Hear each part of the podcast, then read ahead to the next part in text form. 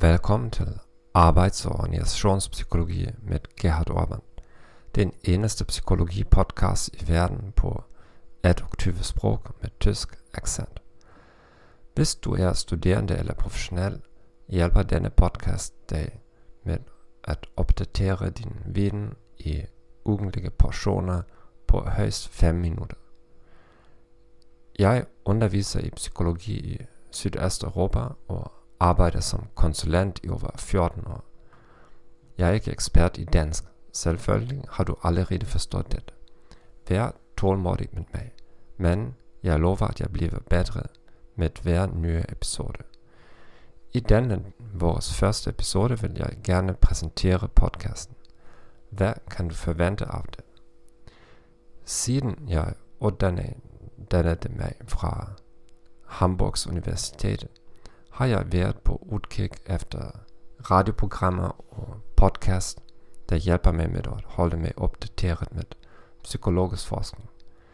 I denne podcast får du ugentlige mini-lektioner, korte resuméer om generelle og specifikke spørgsmål i arbejds- og organisationspsykologi.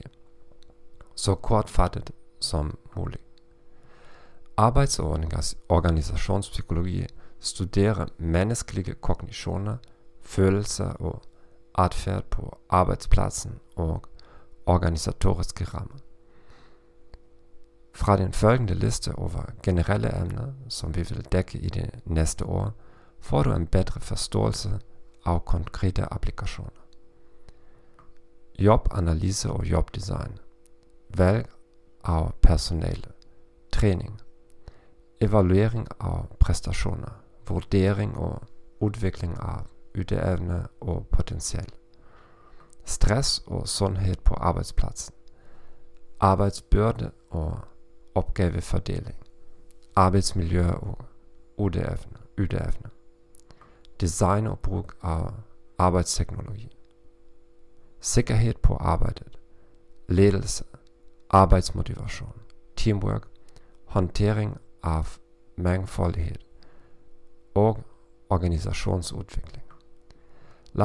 Lejlighedsvis vil vi udforske andre relaterede psykologiske discipliner som luftfartspsykologi, trafikpsykologi, kriminal- og juridisk psykologi og pædagogisk psykologi. På forhånd tak for støtte til podcasten. Jeg lover, at jeg vil holde episoderne regelmæssige, korte og så videnskabelig og praktisk strenge som muligt. I noterne til hver episode vil jeg medtage lister med anbefalet litteratur. Abonner på vores kanal på Apple Podcast Stitcher, Spotify eller din yndlingsapp. Anbefal os til dine venner og kolleger. Send mig spørgsmål og kommentarer, så jeg kan inkludere dem i den næste episode. Jeg ønsker dig en god dag og farvel.